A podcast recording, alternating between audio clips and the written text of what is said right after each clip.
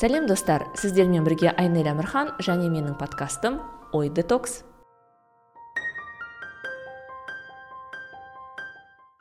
Сәлем достар. Өздеріңізбен аман есен ой детокстың кезекті санында қауышып отырғаныма қуаныштымын. Бүгінгі менің қонағым тіл тазалығының сақшысы кәсіби редактор күні кеше ғана қазақ тілінде шыққан хәрри поттер мен пәлсапа тас кітабының редакторы назгүл қожабек. Назгүл қош келдің. Көңіл күйің қалай? Сәлем сәлем достар көңіл күйім жақсы. Ыыы жаңа айтып отырсың ғой хәрри поттер мен пәлсапа тас кітабының редакторы деп. Ә, біз кеше күні кеше ғана мен хәрри ә, поттер мен жасырын бөлме кітабының екінші редактурасын аяқтап корректураға өткізіп келдім. О құттықтаймын. Сондықтан осы екінші кітапты қосып айтуыңа болады. Ал енді жаңа ә, осы хәрри поттер мен пәлсапа тас дегенде айтып отырғаныңа да қарап ойлаймын да адамның еңбегі сол ең көп таралған ең танымал болған еңбегімен ғана өлшенеді екен. Ә, хәрри поттерге дейін мен өзімді м филипп котлердің маркетинг негіздері деген кітабының редакторы деп атайтынмын. Өйткені редакторлық өмірімдегі ең үлкен ең ә, маңызды жобаларымның бірі сол. Котлер болды соңғы шыққан кейінгі шыққан. Ә, оған дейін ә, менеджмент болды тағы да басқа кітаптар болды бірақ енді сол бірінен кейін бірі енді қазір сол құдай жеткізсе амандық болса хәрри поттердің бүкіл сериясының редакторы болғым келеді. Өйткені өзіме осы тақырып қызық. Айта бер. Енді хәрри поттер мен жаңағы пәлсапа тас кітабының жарыққа шыққаны бір жарым айдай болды ма? Қанша уақыт болды? Тура бір айдан асты ғой. Тура бір айдан асты. Жалпы сатылым қалай болып жатыр? Мониторинг жасап жатсыңдар ма? Ә, мен ол жағына көп араласқан жоқпын. Өйткені басқа жұмыстарға айналып кеттім. Бірақ қыздардың айтуынша жақсы сұраныс бар. Ә, оның үстіне қазір ол екі нұсқада шықты. Біреуі кәдімгі қатты мұқаба ал екіншісі қатты мұқабаның сыртында супер обложка бар. Ә, супер обложка коллекционерлерге деп ол енді шағын тиражбен шықты супер обложка бірақ осы екі нұсқада сатып алуға болады. Ә, жұрт алып жатыр. Қазір енді ең негізгі күш салып жатқаны ол шалғай облыстарға жіберу аудандарға жіберу. Сол жақтағы жұрт ә, кітап туралы білуін қамтамасыз ету өйткені ақпарат жетпей жатуы мүмкін. Осы бағытта жұмыс жасалып жатыр. Және ә, екінші томды міне әне міне құдай жеткізсе баспаға береміз ба деп отырмыз. Егер осы хәрри поттер кітаптары жайлы айтатын болсақ кеше дайындалып жатып 2016 жылы тедекс алматыда ә, мектеп оқушысы ол кезде енді мектеп оқушысы қазір енді үлкен бойжеткен қыз болған шығар асылай сейтенованың осы кітапты алғашқы төрт бөлімін аудардым деп әм, сахнаға шыққаны есімде. Одан кейін талай бұқаралық ақпарат құралдарында көптеген мақалалар шықты.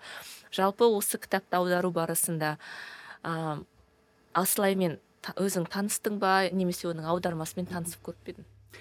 Жоқ асылай туралы білем. Ол тедиксте мен де болғам одан кейін де қадағалап жүрдім жарияланымдарды. Енді асылайдың аудармасы қа... аударма ретінде процесс ретінде шығармашылық ретінде дұрыс болғанымен ол жерде оның ары қарайғы жариялануына ары қарайғы оның таралуына жол болған жоқ. Өйткені ол жерде ең алдымен авторлық құқықта болды әңгіме. Содан кейін ол енді басқа да сабағы бар өзінің ол тек қана осымен айналысып кете алмайды сонымен бұл жұмыс тоқтап қалды оның жұмысы сол күйі ұмытылды. Ал ә, біз аударған кезде ә, ештеңеге алдымыздағы тәжірибеге қарамай ә, дербес жұмыс істеуге тырыстық.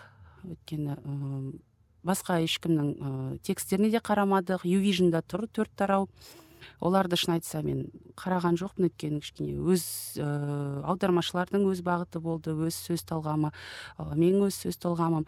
Ә, біз тіпті қатар жүрді осы біз бірінші томды дайындап жатқан кезде пәлсапа дайындап жатқан кезде ә, қазақстан ұлттық арнасы ә, гарри поттер мен ә, философиялық тас деп бірінші фильмді көрсетті. Одан кейін апта сайын әр жексенбі сайын олар ә, фильмдерді көрсетіп отырып міне осы енді аяқтады ғой деймін әлде тағы бір сериясы қалды ма? Оларды да көрген жоқпын. Ә, аудармашыларымыз ә, көріп жүрді. Мына сөзді олар былай деп алыпты бізде ол былай ғой деп. Және алдыңғыларына да ә, осылай деп алыпты олар деп. Оның ешқайсысына сон ә, бір бағытынан өзіміз ойлаған сөздерден жаңылып қалмайық деп өзіміз алған бағытымыздан жаңылып қалмайық деп мен ол ешқайсысын көрген жоқпын. Бұным енді дұрыс па дұрыс емес па? Мүмкін ыыы ол жақта шынымен бір ұтымды нәрселер бар шығар ол нұсқада аударма нұсқасында. Бірақ ол аударма нұсқасын пайдалану мен біреудің еңбегін пайдаланып кеткендей болады. Ал егер ә, кездейсоқ ә, сәйкестіктер болып жатса мысалы енді ол бәрімізге ортақ сөз ортақ тіл ол тек қана кездейсоқтық ыыы ол аудармашылар тобының сол фильмдерді аударған аудармашылар тобының ыыы асылайдың да ыыы еңбегін пайдаланып кеткіміз келмеді. Сондықтан қарамай өз бетімізбен жұмыс істедік. Маған осы жоба жайлы естігенде бір ұнағаны м авторлық құқықты сатып алу иә жаңағы тіпті мұқабасының өзін бекіту үшін де бір лицензия алу керек екен иә. Осы процесс жайлы айтып берші өйткені мен көп білмейді екенмін. Мен ойлағанмын любой кітап кез келген кітапты аламын да өзім аударып оны шығара беруге құқығым бар деп мысалы. Ол ә, интеллектуалды құқық деген өте күрделі нәрсе негізі. Өйткені қандай да бір товар белгісі ә, материалдық зат болса оны білесің иә оны шығарған адамның ә, құқығы бар ол лицензиясы бар патенттері бар. Сен оны пайдалану үшін немесе сату үшін қандай да бір келісім жасауың керек. Интеллектуалды құқық көркем әдебиет ә, музыка. Оның ә, қиындығы ол бір ә, қадағалау қиын оның бәрін иә мысалы иә мен қазір кез келген ә, менде мысалы архивтерімде жатыр ә, кезінде бір жасаған аудармаларым. Бірақ мен оны жариялап одан ә, материалдық пайда тапсам ол дұрыс болмайды. Өйткені ол, ол біреудің ә, еңбегі ол біреудің былай қарағанда енді наны ғой. Мысалы роулиңнің де осы харри поттер деген тұтас бір империя. Сол империя кәдімгі индустрия болып кеткен қазір. Енді олар да әрине қадағалайды. Әр ыыы еңбегінен пайда тауып отырған адам сол басқа адам соны пайдаланып арзан ыыы пайдаға кенелмеуіне кенелмеуін қадағалайды. Сондықтан бұл жерде барынша сақ болған мұқият болған дұрыс. Ә, раисаның айтуынша енді ә, харри поттерді жалпы қазақстанға алып келген осы харри поттердің ә, қазақ тілінде шығуына мұрындық болған раиса қадір ә, степ энд ворлд баспасының ә, негізін қалаушы. Бұның бәрі харри поттердің жарық көріп жатуы соның ә, раисаның тікелей ерік жігері өзінің ә, өзінің қаражаты ә, жеке мүддесі осы ә, харри поттер қазақ тілінде шықсыншы қазақ балалары оқысыншы деген. Сол раиса бір жылдай жүрді дейді келіссөз. Өйткені оларда ә, кім болса соған бере бергісі келмейді рұқсатты оларға кітап жақсы шығатынына ә, жақсы таралатынына ә, ешқандай претензия болмайтынына сенімді болу керек болғандықтан ә, тұтас зерттеп бұлар кім бұған дейін қандай кітаптар шығарды бұлар кіммен жұмыс істейді ә, қаншалықты ол өтімді болады соның бәрін зерттеп барып рұқсат берген ол жерде роулиңнің өзінің авторлығы бар одан кейін оны шығарып жүрген баспаның ә, мүддесі бар оның мұқабаны салған дизайнердің мүддесі бар. Ол әрқайсысы ол ол жерде өзінің ә, мүддесі бар өзінің үлесі бар. Сондықтан соның бәрімен келісу керек болады. Жалпы кітапқа авторлық құқық алу көп қиын емес енді бірақ шарттарын орындау керек, орындау керек. Ә, кез келген ә, баспа кез келген автор сол өзінің ыыы кітабын кейбіреулер болады бір ә, символический дейді ғой ақшаға бере салады. Кейбіреулер шын мәніменде үлкен гонорар сұрайды. Ә, кейбіреулердің қоятын шарты бар мен одан кейін оны оқуым керек дейді. Кейбіреулер жоқ өздерің біліп істей беріңдер дейді. Мұқабасына біреу шарт қояды біреу қоймайды. Соның әрқайсысын зерттеп ә, жалпы кітап шығарамын деген адам соның бәрін шартына көнуі керек. Сондықтан да бізде қазақша аударылған кітаптар кейде қымбат деп жатады. Иә.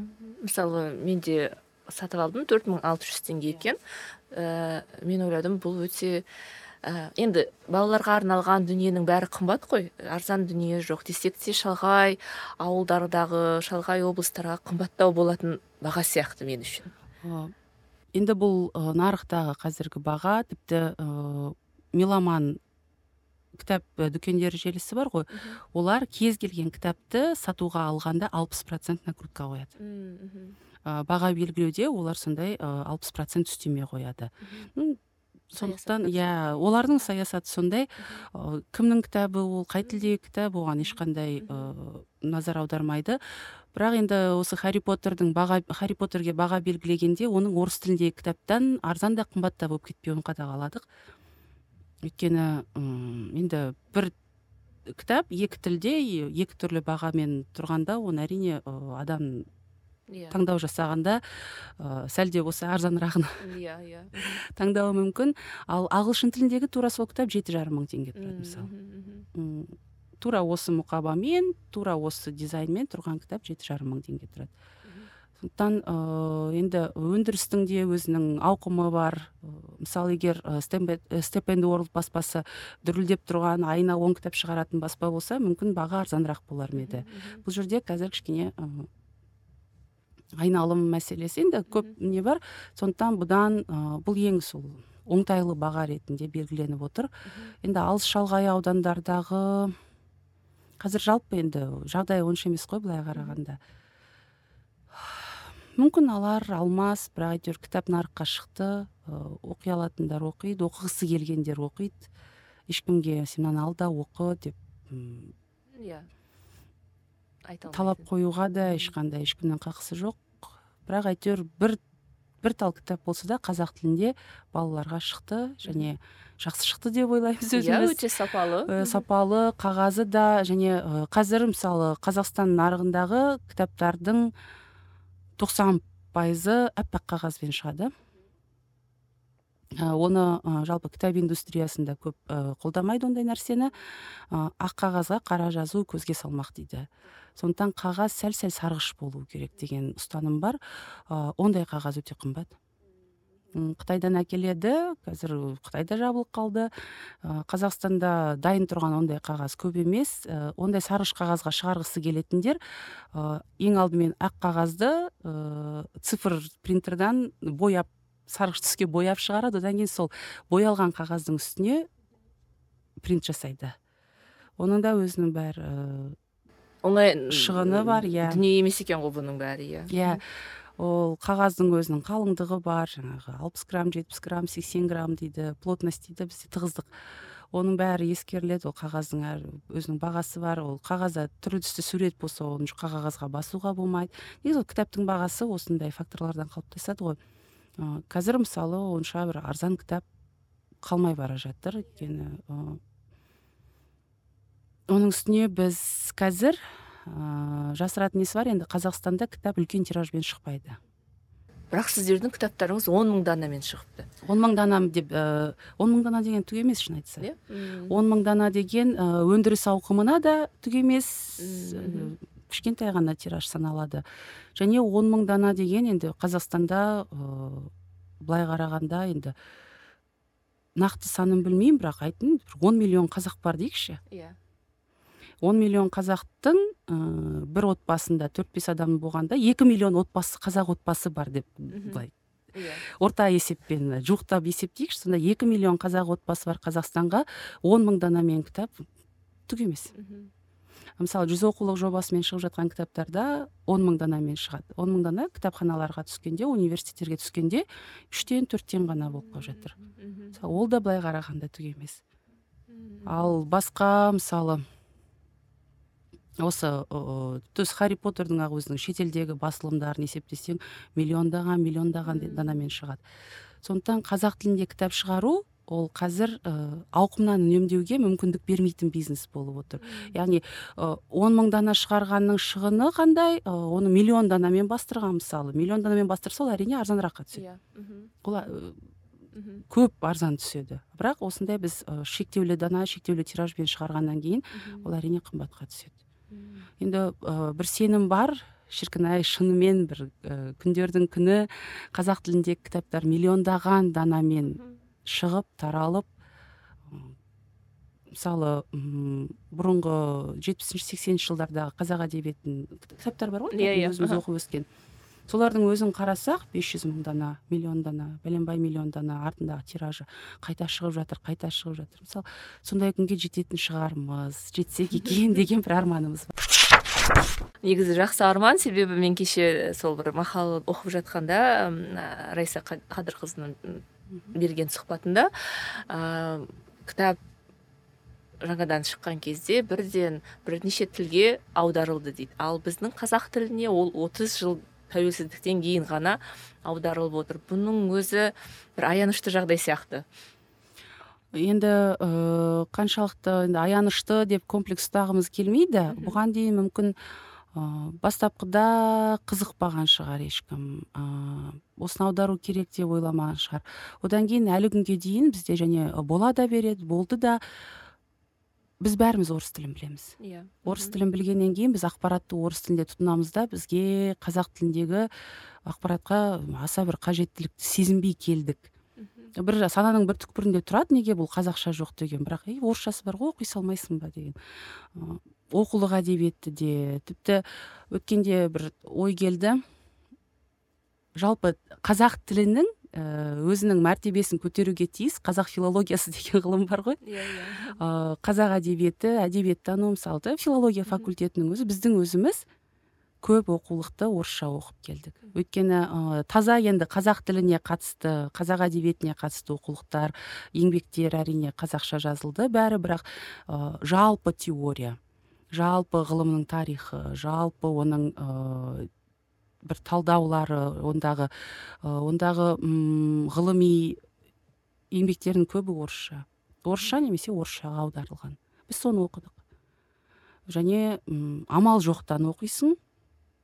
Өйткені саған көбірек білім алу керек оған дайын тұрған оқулық жоқ. Тіпті ә, қанша жерден осы совет одағының кезінде көп дүние аударылды қазақ тілінде білім беруге болды мүмкіндік.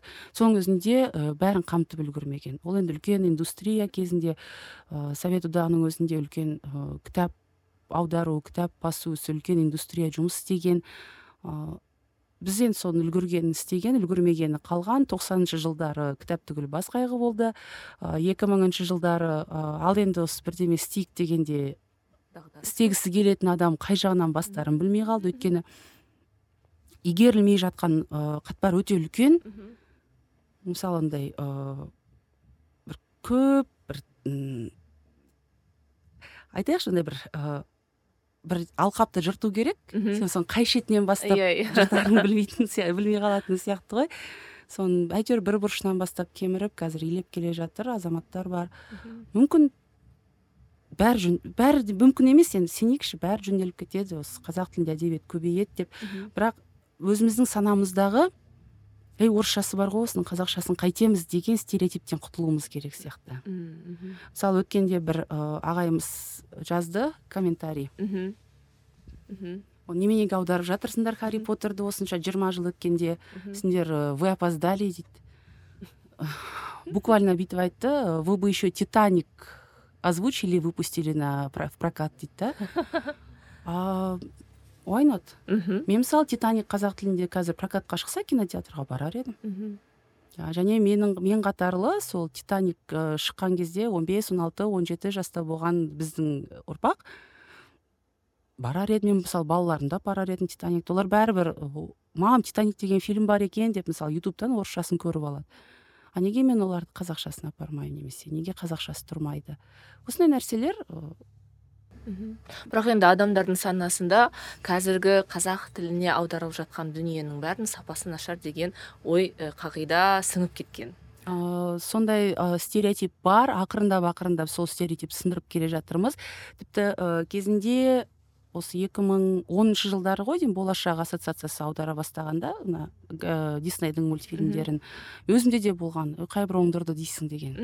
Бірақ тачки қандай керемет. Мысалы одан кейін шықты қанша дүние былтыр жазда шықты жаңағы арыстан патша. А тура қазақтар түсірген мультик сияқты мысалы иә? Ешқандай бір кемшілік жоқ тілінде. Сынды стереотип. Қазақша аудармада сапалы дүние жасауға болатынын көрдік. Ол стереотип қай кезде қалыптасты? тоқсаныншы жылдары екі мыңыншы жылдардың басында жаппай аударма аудару керек болды. Екі тілде документация жүру керек болды екі тілде оқулықтар жүру керек болды. Ә, университет мұғалімдері міндетті түрде қазақша оқулық шығару керек болды. Бірақ сапаға ешкім мүдделі болмады. Для галочки әйтеуір ә, қазақша болу керек па? Қазақша болу керек. Стандарт болмады. Ақырындап ақырындап оның бәрі реттелді. Қазірдің өзінде енді бір нақты бір қатаң стандарттар жоқ. Ә, сапаға әлі де м қатаң талап қойылмайды. Қазіргі сапаны қамтамасыз етіп отырғандар тек қана өзінің ішкі ұжданына ә, сүйеніп сол ә, сол өзінің ары алдында ғана жауап беретіндер деп ойлаймын сапамен сапалы істеп отырғандар. Өйткені сапасыз дүниеге де сен сонша уақыт жұмсайсың бәрібір мысалы. Бір ә, кітапты аударып шығуға сен бәрібір екі ай уақытыңды жұмсайсың. Ал сол екі ай уақытыңды жұмсап отырып сен түкке жарамайтын нәрсе жасағаннан шын мәнінде жұрттың қолынан түспейтін бәрі сүйсініп оқитын дүние жасаған әлдеқайда тиімдірек пайдалырақ өзіңнің атыңа да жақсы. Сол дұрыс емес па оның үстіне қазір енді ә, сапаға жауап бере бастаудың бір себебін мен әлеуметтік желілердің көбеюінен көремін. Өйткені ә, қандай да бір жұмыс істеген адам ол жұмысының жұмысын сол әлеуметтік желіде желіде жарнамалайды. Және ол сол жұмыс арқылы одан ары қарай да өзінің түрлі жобаларға ә, шақыру алуға ә, үмітті. Сондықтан ол өзі жарнамалап өзінің атымен шығарып отырған дүниеге дүниенің сапасына жауап беруге мүдделі болмаса да міндетті қазір. Сол сол осыны бір пайдалы жағы деп ойлаймын. Сондықтан сапа келе жатыр. Сапа жақсарып келе жатыр. Ә, өтірік аударма ә, сапасыз сөйлемдер иә түсініксіз дүниелер деген нәрседен қазір ақырындап құтылып келе жатырмыз. Мен ыыы өткенде бір әріптесіме қазақ тілінде жазған материалды тек қарап беріңізші деп жібердім да сөйтсем маған айтады. А мына сөйлемді былай жазсақ қайтеді. Өткенде ғана назгүл қожабектің бір фейсбукта мақала ә, постын оқыдым. Мынандай сөйлемді былай жазу керек деп айтқан дейді. Сондықтан енді шын мәнінде мен қандай да бір пост жазайын ә, материал жазайын көз алдыма сен елестеп тұрасың. Және менің ғана емес қой деймін. Маған көп адам өстіп айтады кейде тіпті мен өзім танымайтын өмірі көрмеген адамдар қандай бір жиындарда қасыма келіп мен сізді үнемі оқып жүремін мен сізді сыртыңыздан өткенде ыыы айтады бір жігіт мен сізді сыртыңыздан рабиға сыздықова деп атаймын деп енді ондай ондай атақтан үмітім де жоқ ешқандай бір бірақ бәрімізге жының келетін сияқты жоқ жыным келмейді. Бәріне жыным келмейді. Біреулер ойлайды мені мен әркімнің жазбасын аңдып жүріп осыдан бір қате тапсам екен деп аңдып отыратын адам деп ойлайды. Жоқ мен фейсбукта жазатын мысалдар олар жиі қолданылатын. Ол мысалы сенде де менде де тағы бір үлкен тіпті журналистердің өзінде тіпті жазушы жігіттердің өзінде кездесетін шаблондар кездесетін ә, калька. Соның бәрі ол тек қана бір жиі болатын дүниелерді ғана мен сөйтіп жазам. Ол бір адамнан ғана көрген мысалды бүйтіп жаза салу бірақ әркім yeah. Иә. өзін танып жатады десе. Әркім өзін танып жатады. Өйткені жетпіс процентіміз солай ыыы сондай конструкцияларды қате қолданатынымыз өтірік емес. Дауласады кейбір ыыы батыл батылы жеткен жігіттер менімен дауласады ыыы бұл дұрыс емес сенің айтып отырғаның дұрыс емес дейді. Ыыы кейде былай қарап отырсаң тіл түгелдей калькаға айналып кеткен сияқты көрінеді. Бірақ ыыы тілдің өзінің кейде ә, мынаның орнына мысалы мына орыс тіліндегі тіркестің тіке аудармасы ғой. Бірақ тура осыны қазақ тілінде басқаша бұрыннан айтып жүруші едік қой. Неге біз соны қолданбаймыз? Неге біз мынаны қолданамыз деп? Одан кейін ыыы енді орыс тілінің ықпалы көп болды ғой қазақ тілінің өзгеруіне. Оның жақсы деуге келмейді. Өйткені орыс тілінен тікелей калькалап аударылып алған аударып алған тіркестерді қолданып біз тура сол әрекетті тура сол сипатты қазақша бұрыннан өзіміз қолданып жүрген қазақша беретін тіркестерді сөздерді ұмытып бара жатырмыз. Осы тұрғыдан келгенде сол калькадан арылғанымыз құтылғанымыз өзімізге жақсы. Ой тіл өзгере береді ғой тіл деген тірі организм ол ыыы құбылады. Иә құбылады бірақ құбылады екен деп біз өзіміздің бұрынғы үйренген дүниемізді ұмытып тек қана сол орысша калькаға ғана бас ұрып кетуге кеткеніміз дұрыс емес деп ойлаймын. Енді сенің ұлттық аударма бюросында әлі де жұмыс істеп келе жатсың иә? Осы қызметіңе кішкене тоқталып өтсек қанша кітап редакцияладың? Мен ұлттық аударма бюросына 2017 жылы бардым. Ә, осы 2017 жылы сәуірде елбасының мақаласы шықты. Мамыр айында ұлттық аударма бюросын құру жөнінде шешім қабылданып жұмыс басталды. Маусым айының ортасында жалпы қаза алматыда негізінен алматыда астанада мәтінмен жұмыс істей алатын қандай редакторлар бар екен аударма жасай алатын мәтінмен жұмыс істей алатын деп үндеу тастағанда естіп жиынға бардым. Мен кәсіби редактормын мен осы жобада атсалысып жұмыс істегім келеді деп. Сол жерде рауан кенжеханұлымен танысып рауан кенжеханұлы ә, жай ғана фриланста ә, аутсорсқа алып жұмыс істеуді емес ұлттық аударма бюросының командасына мүше болуды ұсынды. Кәдімгідей тұрақты осы жерде басы қасында жүріп жұмыс істе деп ұсынысты қабылдадым. Сөйтіп мен тура екі жыл тура емес ә, екі ай жетпей қалды. Тура екі жыл ұлттық аударма бюросының командасында жұмыс істедім. Ә, басында баспасөз хатшысы болдым. Енді баспасөз хатшысы бола жүріп ә, мәтін редакцияладым. Одан кейін ә, тура бір жыл мен жоба жетекшісі болдым. Осы қазақ тіліндегі жүз оқулық жобасының менеджері болдым. Ә, мен ә, мен менеджер болған бір жылда біз 30 оқулық шығардық. Ә, екінші поток екінші кезеңі. Алғашқы 2017-2018 жылы біз ә, 17 18 оқулық шығарғанбыз. Осы 18 оқулықтың үшеуі менің қолымнан шықты. Ә, енді екеуі нақты менің қолымнан шықты. Тұтас басынан аяғына дейін. Ә, үшіншісіне мен атсалыстым. Ә, қосымша сол қосылып жұмыс істедім командаға. Ол екі кітап ә, енді оқырмандардың пікірінше өте жақсы шықты деді. Менеджмент және кәсіпкерлік деген. О бастан мен ұлттық аударма бюросына қосылғанда экономикалық бағыттағы әдебиеттер әдебиеттің редакторы болып қосылдым. Сонда ол жүз оқулық деген жоғарғы оқу орындарына жоғары оқу орындарына арналған пән мамандықтары бойынша ә, шетелдегі ең үздік жоғары оқу орындарының үздік авторлардың ә, еңбектері. Содан кейін ә, 2018 жылы біз келесі 30 оқулықты өндіріске алдық. Ә, соның ішінде менің еншіме тигені котлер болды. Маркетинг мен сүйікті котлер көкем. Және котлермен қатар мен ә, ұйымдық мінез құлық ұйымдағы мінез құлық еді ұйымдық мінез құлық деп шығардық. Өте үлкен тоже фундаменталды ғылым HR менеджменттің үлкен бір саласы. Ол HR менеджмент бірге HR менеджментпен бірге әлеуметтану ә, психология сияқтындай үш саланың тоғысындағы ғылым ұйымдағы мінез құлық осы ұйымдағы мінез құлықты шығардым. Одан кейін ә, джон гэмблдың стратегиялық менеджментінің жартысын шығардым. Ә, теориялық бөлімін ә, тұтас одан кейін тағы да HR менеджментті шығардым. Ә, және осы котлердің маркетинг текстері. Және жоба жетекшісі болғаннан кейін көп көп кітаптың ә, ақырғы нұсқасын тағы да қарап шығу ә, кем кетігін тағы да жөндеу немесе редакторға қайтарып беру немесе сол баспаға жіберердің алдында бір шолып шығу ол да менің міндетім болды. Сондықтан осы бір жылдың ішінде енді алғашқы он жеті кітаптың тұсындағы емес от, екінші отыз кітаптың тұсындағы мен ә, қолымнан жиырма шақты кітап өткен шығар. Оның ішінде өзімнің кітаптарымды енді толық бастан аяқ қайта қайта оқыдым. Қалғандарын бір бірден ғана оқып шықтым. Сонда жалпы есепте мен алпыс?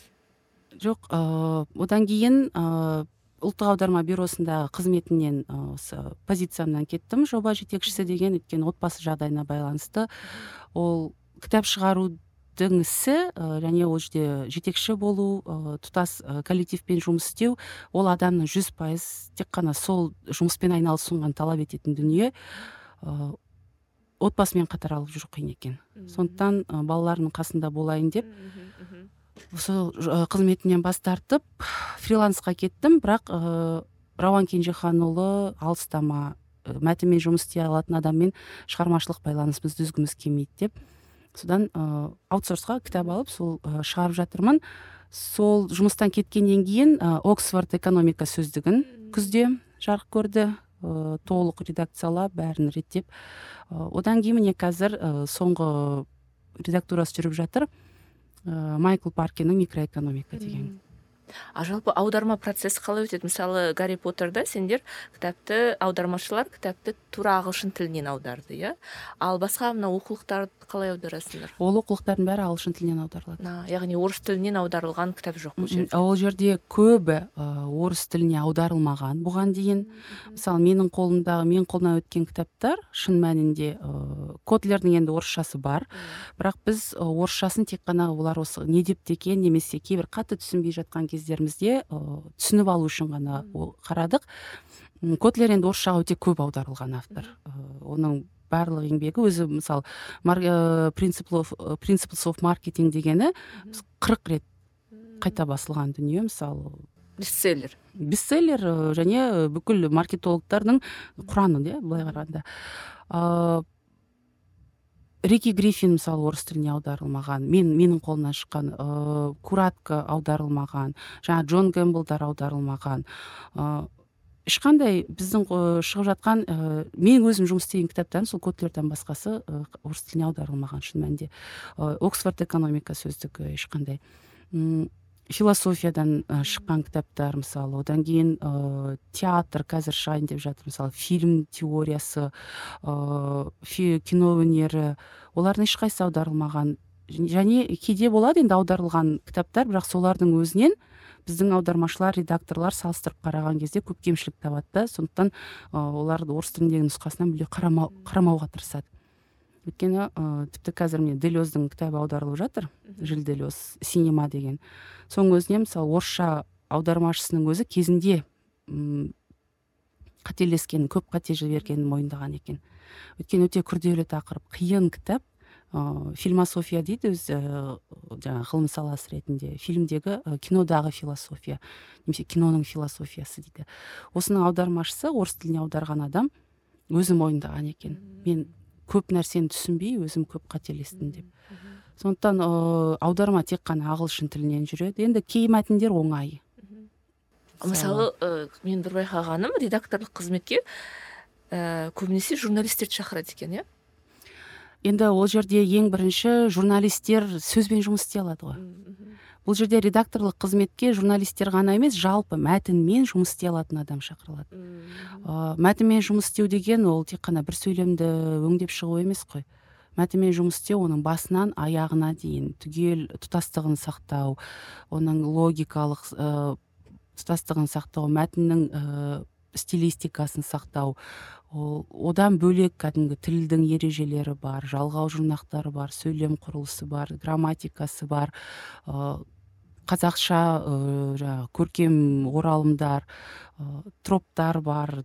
Соның бәрін білетін соның бәрін қолданылатын адамдарды шақырады. Тіпті журналист емес кейбір технарь болуы мүмкін бірақ ол сөзбен жұмыс істей алса мәтінмен жұмыс істей алса және сол жұмыс істей алатынын көрсетіп дәлелдей алса ол командаға шақырылады.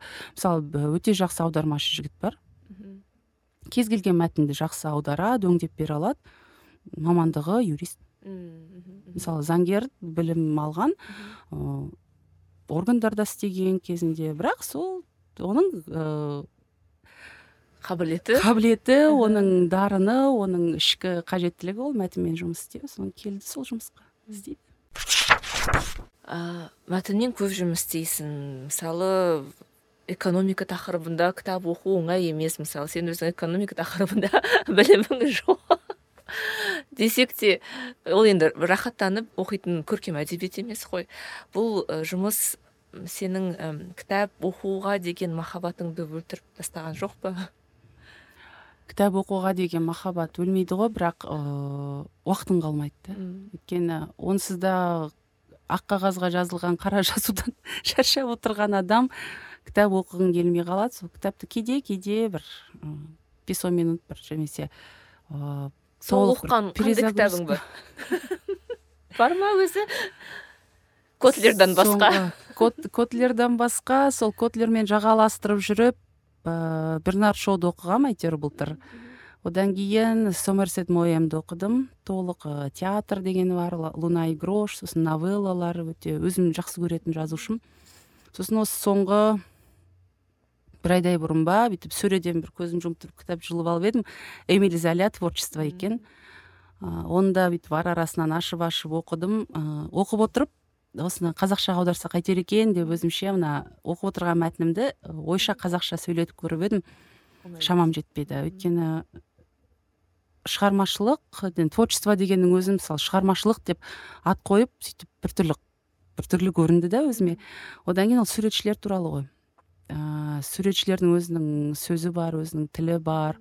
Жаңағы олар мысалы бүйтеді написанный крупными мазками дейді.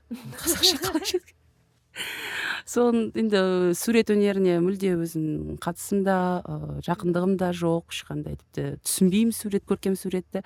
Сондықтан анау маған ыыы тісім батпайтын дүниедей көрінді де жаба салдым. Оның алдында бір немді толтырдым өзімнің. Ә, жоқ ә, оқылмаған бір бреш болған иә ә, франсуа мариакты оқымаған екенмін кезінде француз әдебиетінен. Соң екі том кітабын алып алып соны жағаластырып жүріп үзіп жұлып жүріп әйтеуір оқып ә, бітірдім. Оңбаған жазушы екен адамның. Ә, адамның бүкіл жанын мынандай патологоанатом сияқты бөлшектеп ашып шашып бірақ қайтып құрастырмайды екен сол шашылған күйінде қалып қалады. Сондай соны оқыдым. Болды қазақ әдебиетінен да майда майда кішкентай кішкентай әңгімелер болмаса. Жастар қазір қандай кітап жазып жатыр? Қарамайсың ба? Ыыы кейде қараймын бірақ ыыы енді өзім қатарлы жазушылар ақырын шығып жатқан әйтеуір оқуға тырысамын. Торғынды оқыдым ыыы өткенде тоқтарәлі таңжарық тырнақ алды деп бір әңгіме жазыпты ыыы достоевский енді кәдімгі достоевскийдің ыыы шытырман психологиясы болады ғой. Соған ұқсаттым. Ұнады өзіне де айттым. Сосын қанат әбілқайыр ыыы кішкентай өміржан енді иә осы жігіттер бар ыыы жазылып жатыр. Кішкентай бірақ қазіргі ыыы қазіргі қазақ әдебиеті шағын жанрға кетті ғой. Бәрі шағын жанр. Бейбіттің әңгімелерін оқимын. Бәрі шағын жанр өйткені ы уақыт мына темп ырғақ деген өмірдің ырғағына үлгеру үшін жаңағы он он бес минутта ғана оқып тастайтын бір шығармалар жазылады. Енді менің ыыы оқырмандар үшін жасалған дүние деп ойлайсың оқырмандар үшін жасалған дүние емес. Жалпы үлкен жанр қазір ыыы тұралап қалды деп ойлаймын. Мысалы эмиль золяның чрево парижа деген романы бар. Париждің ыыы базарын кәдімгі орталық базарын сипаттайды. Енді ананы оқып отырсаң бір оңбағанда ана өмір ана өмір сол базардың айналасындағы. Соны кейде ойлаймын неге бізден қазір бір жазушы суырылып шығып алтын орда туралы. Алтын орда базары туралы роман жазбайды екен деп ол жақтағы өмір ол жақтағы тіршілік. Ыыы қазір ыыы осы міне жас алаш өткенде конкурс өткізді ғой қазақ пен қала деген. Оқып отырып түңіліп кетесің қаладағы қазақ бір бейшара күнін көре алмай жүр. Әйтеуір бір проблема проблемадан проблема проблемадан проблема. Бізде ә, совет одағы кезінде әдебиетке қандай талап қойылды? Ең басты талап қазіргі заманға герой жасаңдар. Yeah. Иә. герой кейіпкер ол деген қыз бала болса ол деген міндетті түрде передовик оқу жаңағы оқудың да үздігі еңбектің де үздігі ыыы жаңағы жүз қойдан жүз жиырма қозы алатын малшы ыыы сиырының сүтін екі еселеп алатын сауыншы ол иә. міндетті түрде ә, бидайдың центнер центнер артық алатын егінші. Немесе ескіліктің ә, ескілікті көзқарастағы жаңа өзінің ұстаздарын жеңіп шығатын жас ғалым ә, ескілікті көзқарастағы колхоз директорымен тайталасқа түсіп оны жеңіп шығатын парторг. Осындай жастардың ыыы кейіпкерлер жасалу керек болды. Кәдімгі планово жасалды олар жоспарлы түрде. Қазір бізде ондай ә, талап м жоқ. Бірақ соның өзінде ә, жазушылардың өзі ә, шын мәнінде бір кейіпкер жасауға ә, герой иә қазіргі заманның геройын жасай алмай отыр. Бәлде ондай адамдар туралы сол көркем әдебиетсіз ақ жұрт біліп отыр ма әлде? Әлеуметтік желілердің ыыы ықпалы ма? біз енді қазір әркім все все все все про всех знают деген иә. әңгіме ғой шын мәнінде. Кейіпкерге қажеттілік жоқ бәлде. Ы бірақ ы сондай ы кейіпкерлер сенім ұялататын адамгершілікке деген сенім беретін ы білім түбінде бәрін жеңіп шығады дегенге сенім беретін кейіпкерлер жасалмай келе жатыр. Енді ол совет кезеңінде мемлекеттік тапсырыс болды. Қазір мемлекеттік тапсырыс жоқ. Бір жағынан мен оны құптаймын.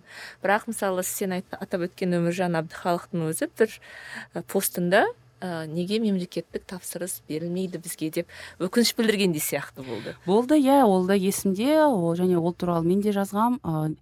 Өміржан бар басқа да жігіттер бар есболаттар айтып жүрді неге жазушыларды үкімет қамқорлығына алып ә, жаңағы тұрақты ақы төлеп жазғызбайды деп.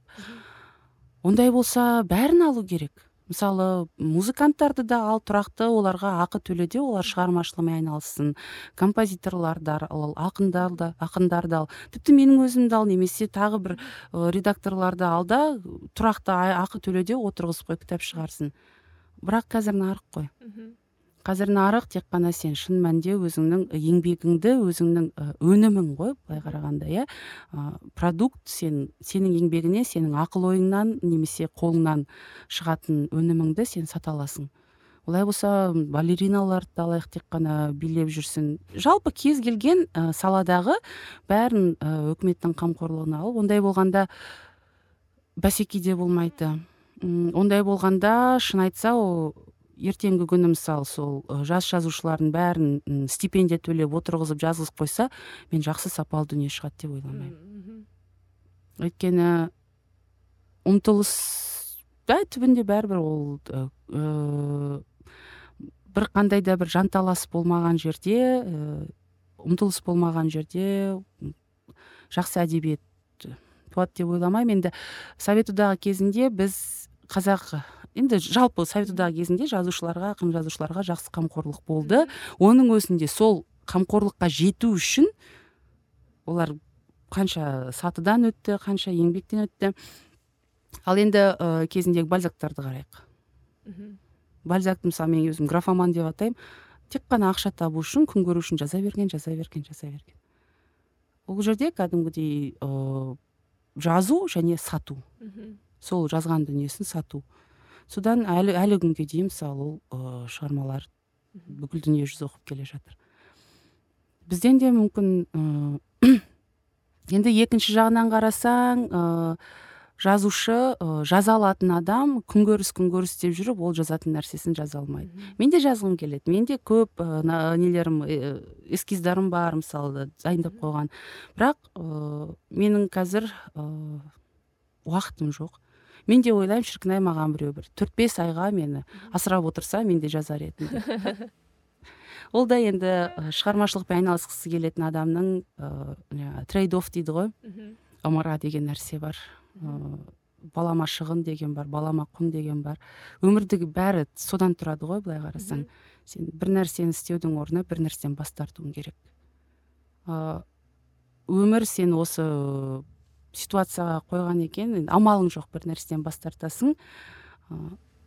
Мәселе сен жазудан бас тартып кетіп жатырсың. мен қазір жазудан бас тартып келе жатырмын.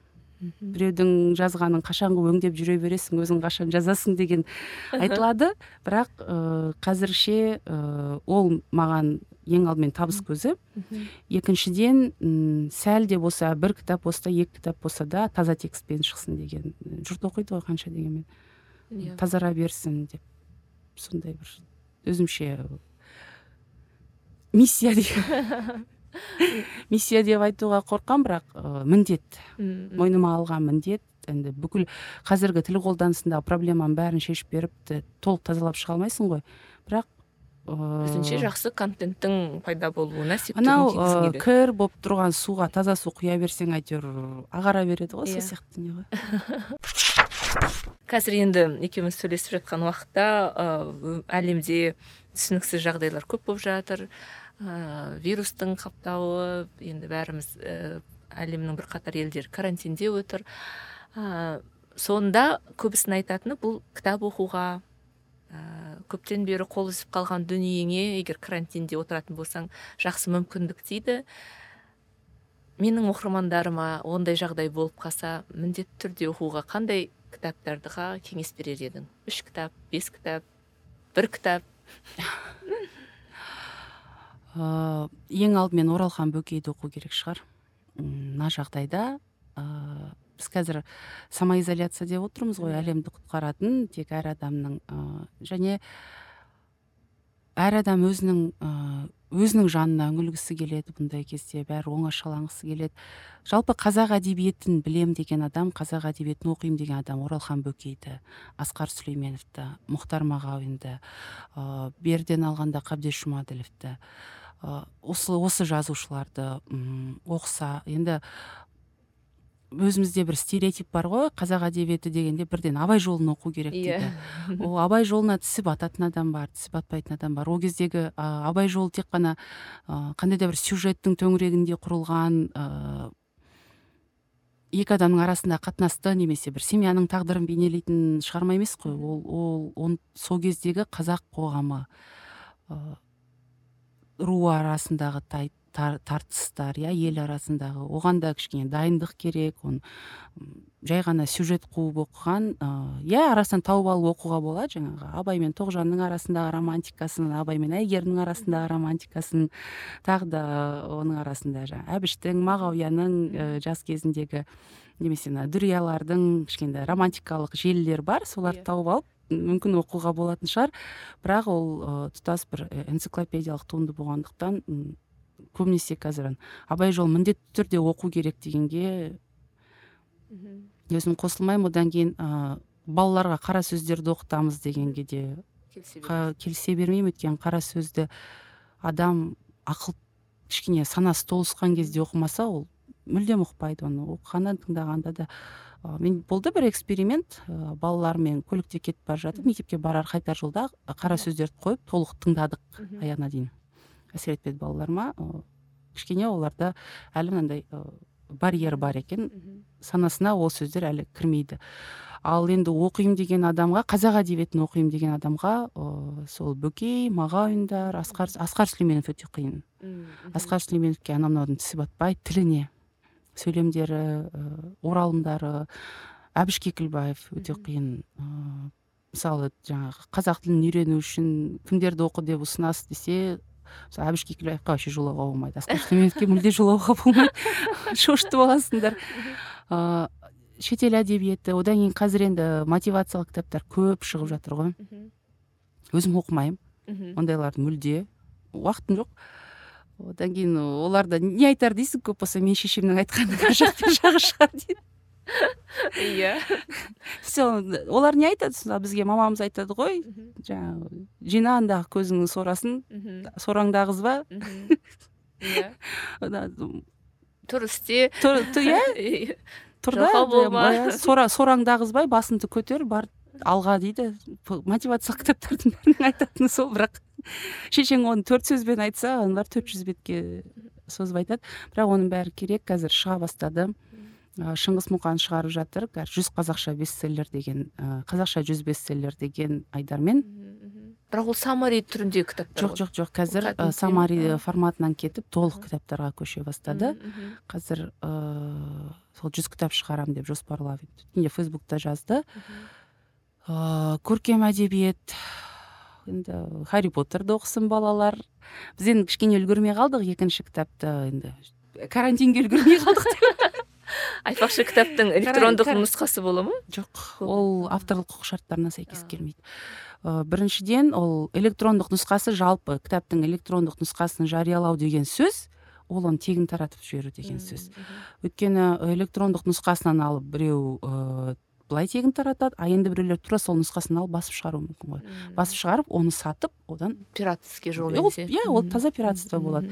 Сондықтан ыыы электрондық нұсқа ы, қай кітаптарда электрондық нұсқа болады? Оқыту мақсатында алынған кітаптарда.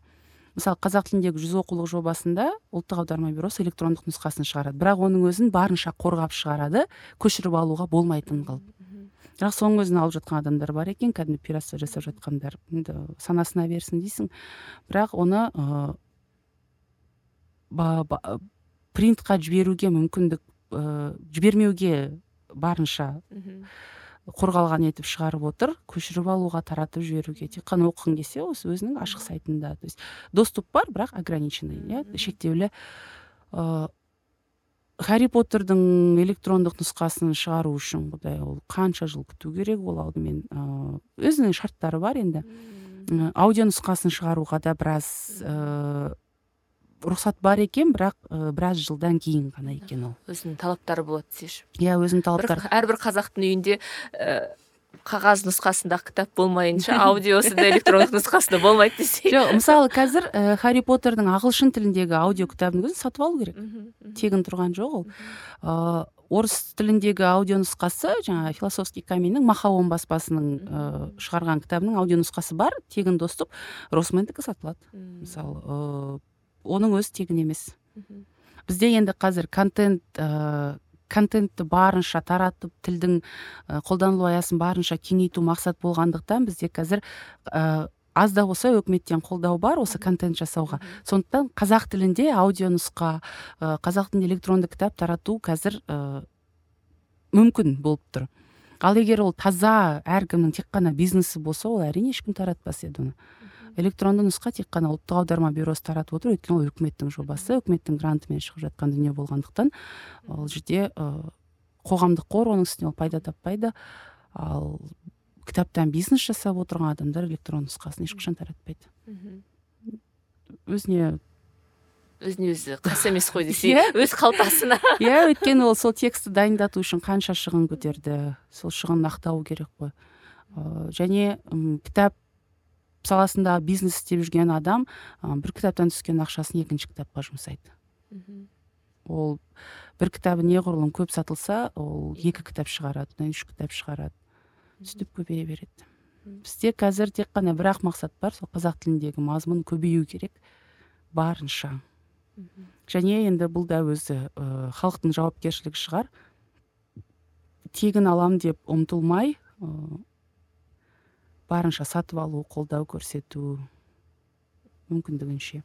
Меніңше ондай сана оянып келе жатқан сияқты. Біреудің еңбегін бағалау yeah. Иә. мүмкіндігінше қолдау көрсету. Енді қазір сол музыканы да сатып ала бастасақ мүлде мен өзім соңғы үш жылдан бері кез келген контентке ақы төлеймін. Тегін музыка да алмаймын тегін кітап та алмаймын. Оның бәрін доғардым. Және менің айналамдағы адамдардың да сондай ә, қағиданы ұстанатын адамдардың да қатары көбейіп келеді иә. Сол бәріміз соған жетсек енді музыка қазір қазақ музыкасы енді кішкене қиындау. Ә, бәрі ашық. Иә. ашық доступта бірақ тым болмаса сол ә, біреудің әнін біреу айтып жүргеннің өзі де пиратство былай қарағанда. Ә, енді ол бітпейтін сияқты маған той бизнес бар да өйтіп біреудің әнін біреу айту немесе ондай бола беретін сияқты. Назгүл алтындай уақытыңды бөліп екінші рет келгеніңе рахмет. Себебі назгүл екеуміз эксперимент жасап бірінші кофейняда жазып көріп едік. Реті болмады шу болды. Сол кезде жақсы әңгіме болып еді иә откровенный иә енді негізі әр әңгіменің өзінің айтылатын кезеңі бар қазір де өте көп. Құнды дүние айтқан сияқтымыз. Рахмет саған. Менің тыңдармандарыңа менің тыңдармандарыма айтатын қандай да бір тілегің болса мархабат. Аман болайық бәріміз. Ыыы ә, демей қазір басынан бастап айтайын. Ешқандай тілегім жоқ десе. Енді мына қазіргі елдегі жағдайды ескере отырып тек қана бір ғана тілек бар ғой. Бәріміз аман болайық адам болайық бәріміз. Өйткені мына болып отырған жағдай жалпы әлемдегі елдегі әр қаладағы жағдай ол адамның жеке жауапкершілігі сыналатын кез адамның адамгершілігі сыналатын кез. Сен қаншалықты осы сыннан адам болып өте алатының сыналатын кез болып тұрғандықтан бәріміз аман болайық адам болайық және барлық талаптарды орындайық. Бар талаптарды орындайық көп шықпайық ешқайда. Жатып алып кітап оқиық жатып алып музыка тыңдайық. подкаст тыңдайық фильмдер көрейік үйімізді тазалап алайық. Осыны пайдаланып. Иә. Ең бастысы бір бірімізге қолдау көрсетейік. Біріміздің аузымыздан біріміз жырып жұлып алған ыыы айлық азық жылдық үнем болмайды. Ыыы өткенде мысалы осы қытайда коронавирус қатты тарап жатқан кезде ыыы есімде жоқ кім бірақ фейсбукта бір френд қазақ жігіт көп коробка маска жинап қойып кейін сатамын мынау дефицит болған кезде деп жариялаған. Сол санамда қалып қойыпты. Неғып скрин жасап алмадым екен деп ойлаймын.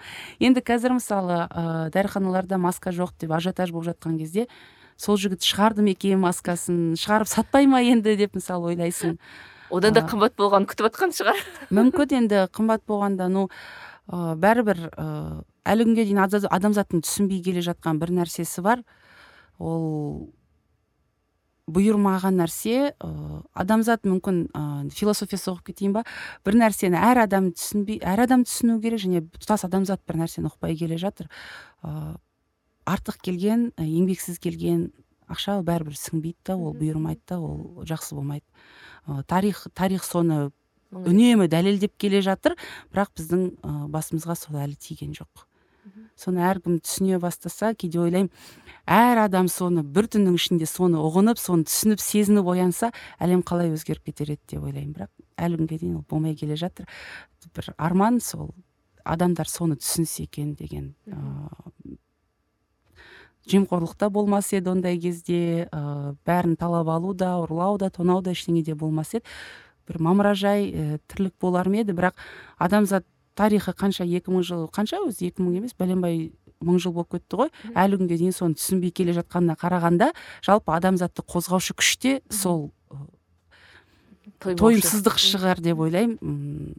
Мүмкін адамзат ыыы тойып әбден мамыражай тірлікке көшкенде мүмкін біз жер бетінен жоғалып кетеміз ба деп бірақ тырысып көрейік та ешкімнің ақысын жемеуге ешкімді зарлатпауға жылатпауға ешкімнің аузынан жырып жемеуге тырысып көрсек мүмкін жақсы болып кетерміз иә. Осы нотада бүгінгі эпизодымызды аяқтаймыз. Бізбен бірге болған назгүл қожабек. Бізді тыңдаңыздар. Тыңдаңыздар.